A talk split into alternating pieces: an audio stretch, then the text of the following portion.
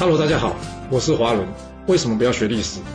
因为学历史会让你了解到顶层阶级的思考方式，成为他们的竞争者，所以他不希望你去学。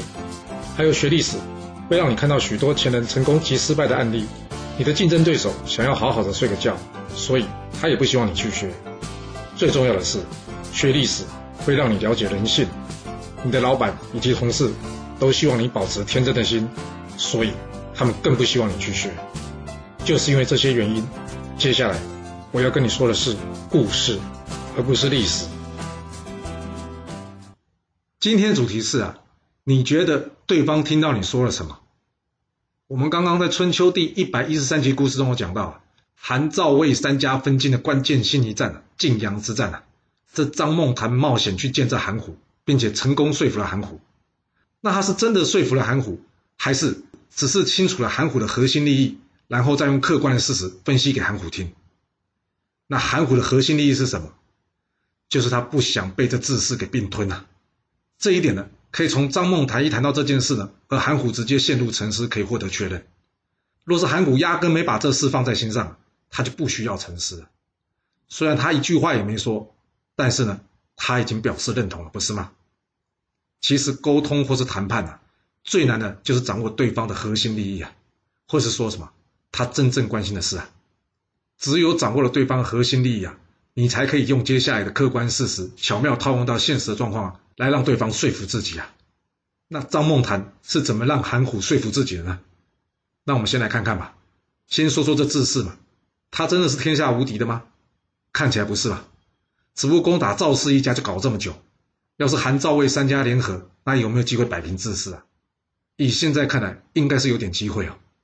那既然有点机会，又符合韩虎的核心利益，也就是他不想被灭，那你说他会不会愿意去挑战一下？因为今天不做活，明天就做死啊！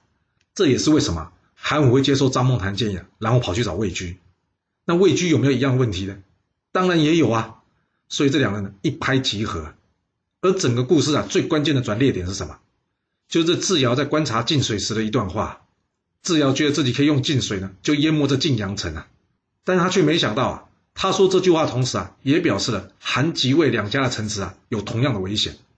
他自己在那边洋洋得意哦，但是下面谋臣痴痴啊，却看出了问题啊。什么问题啊？就是智瑶在讲这句话的时候啊，韩魏两家没有即将战胜赵氏的喜悦啊，而是出现了一脸的恐惧啊。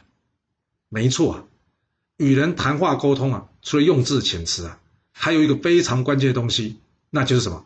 对方的表情跟反应啊，之前有说过嘛，一般的人呢，因为不是专业的演员啊，所以大多会喜怒形于色。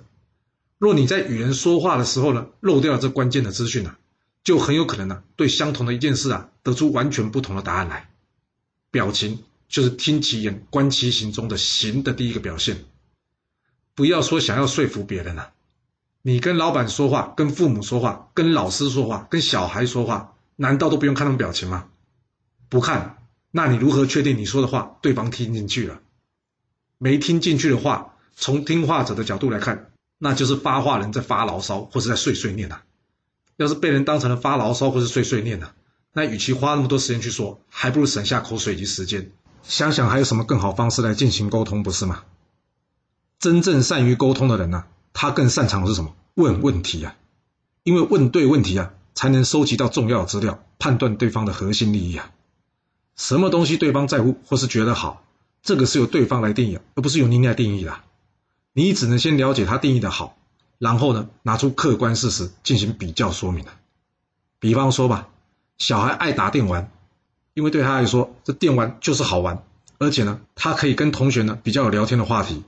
那你说你不准他玩，跟他说读书对他将来有多好多好，你觉得他听得进去吗？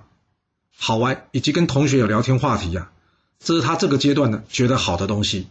你说不好，那后面的话大概率上他已经听不进去了。要是你表示同意，那他会不会比较愿意往下听呢？先等一等，我这里说的同意，并不是让他无限制去打电玩呢，只是表示认同他有娱乐以及交友的需求。但在这需求上面，大家能不能找到个平衡点？约法三章。比方说，要他的功课呢能达到一定的水平。才能每周或是每天玩一段时间。简单来说吧，就是娱乐并不可以影响他的学习。这样打电玩有没有可能反过来是驱使他努力读书的一种动力？这是一种做法。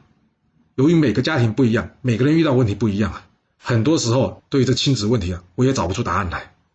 我能做的事啊，就是不要害怕向别人请教或是询问如何解决问题。在开口之前呢，拟定好沟通以及谈话策略，或是说什么说话的重点。千万不要一遇到人呢，就滔滔不绝的开口说话，或是到处见人呢就发表高论，因为这样就只有你在说，但是别人在意什么、喜欢什么，你可能从头到尾都没发现。那这样跟你对着对方的照片说话有什么不一样了？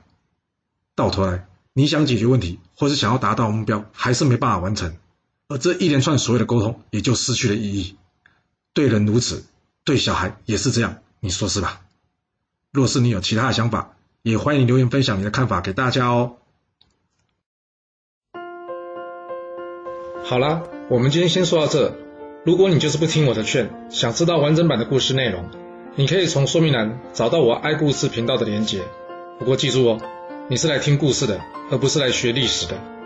要是您喜欢这个频道，麻烦您动动您的手指，追踪留言。或是给我五星评价的支持以及分享，谢谢您来收听，我们下次再见。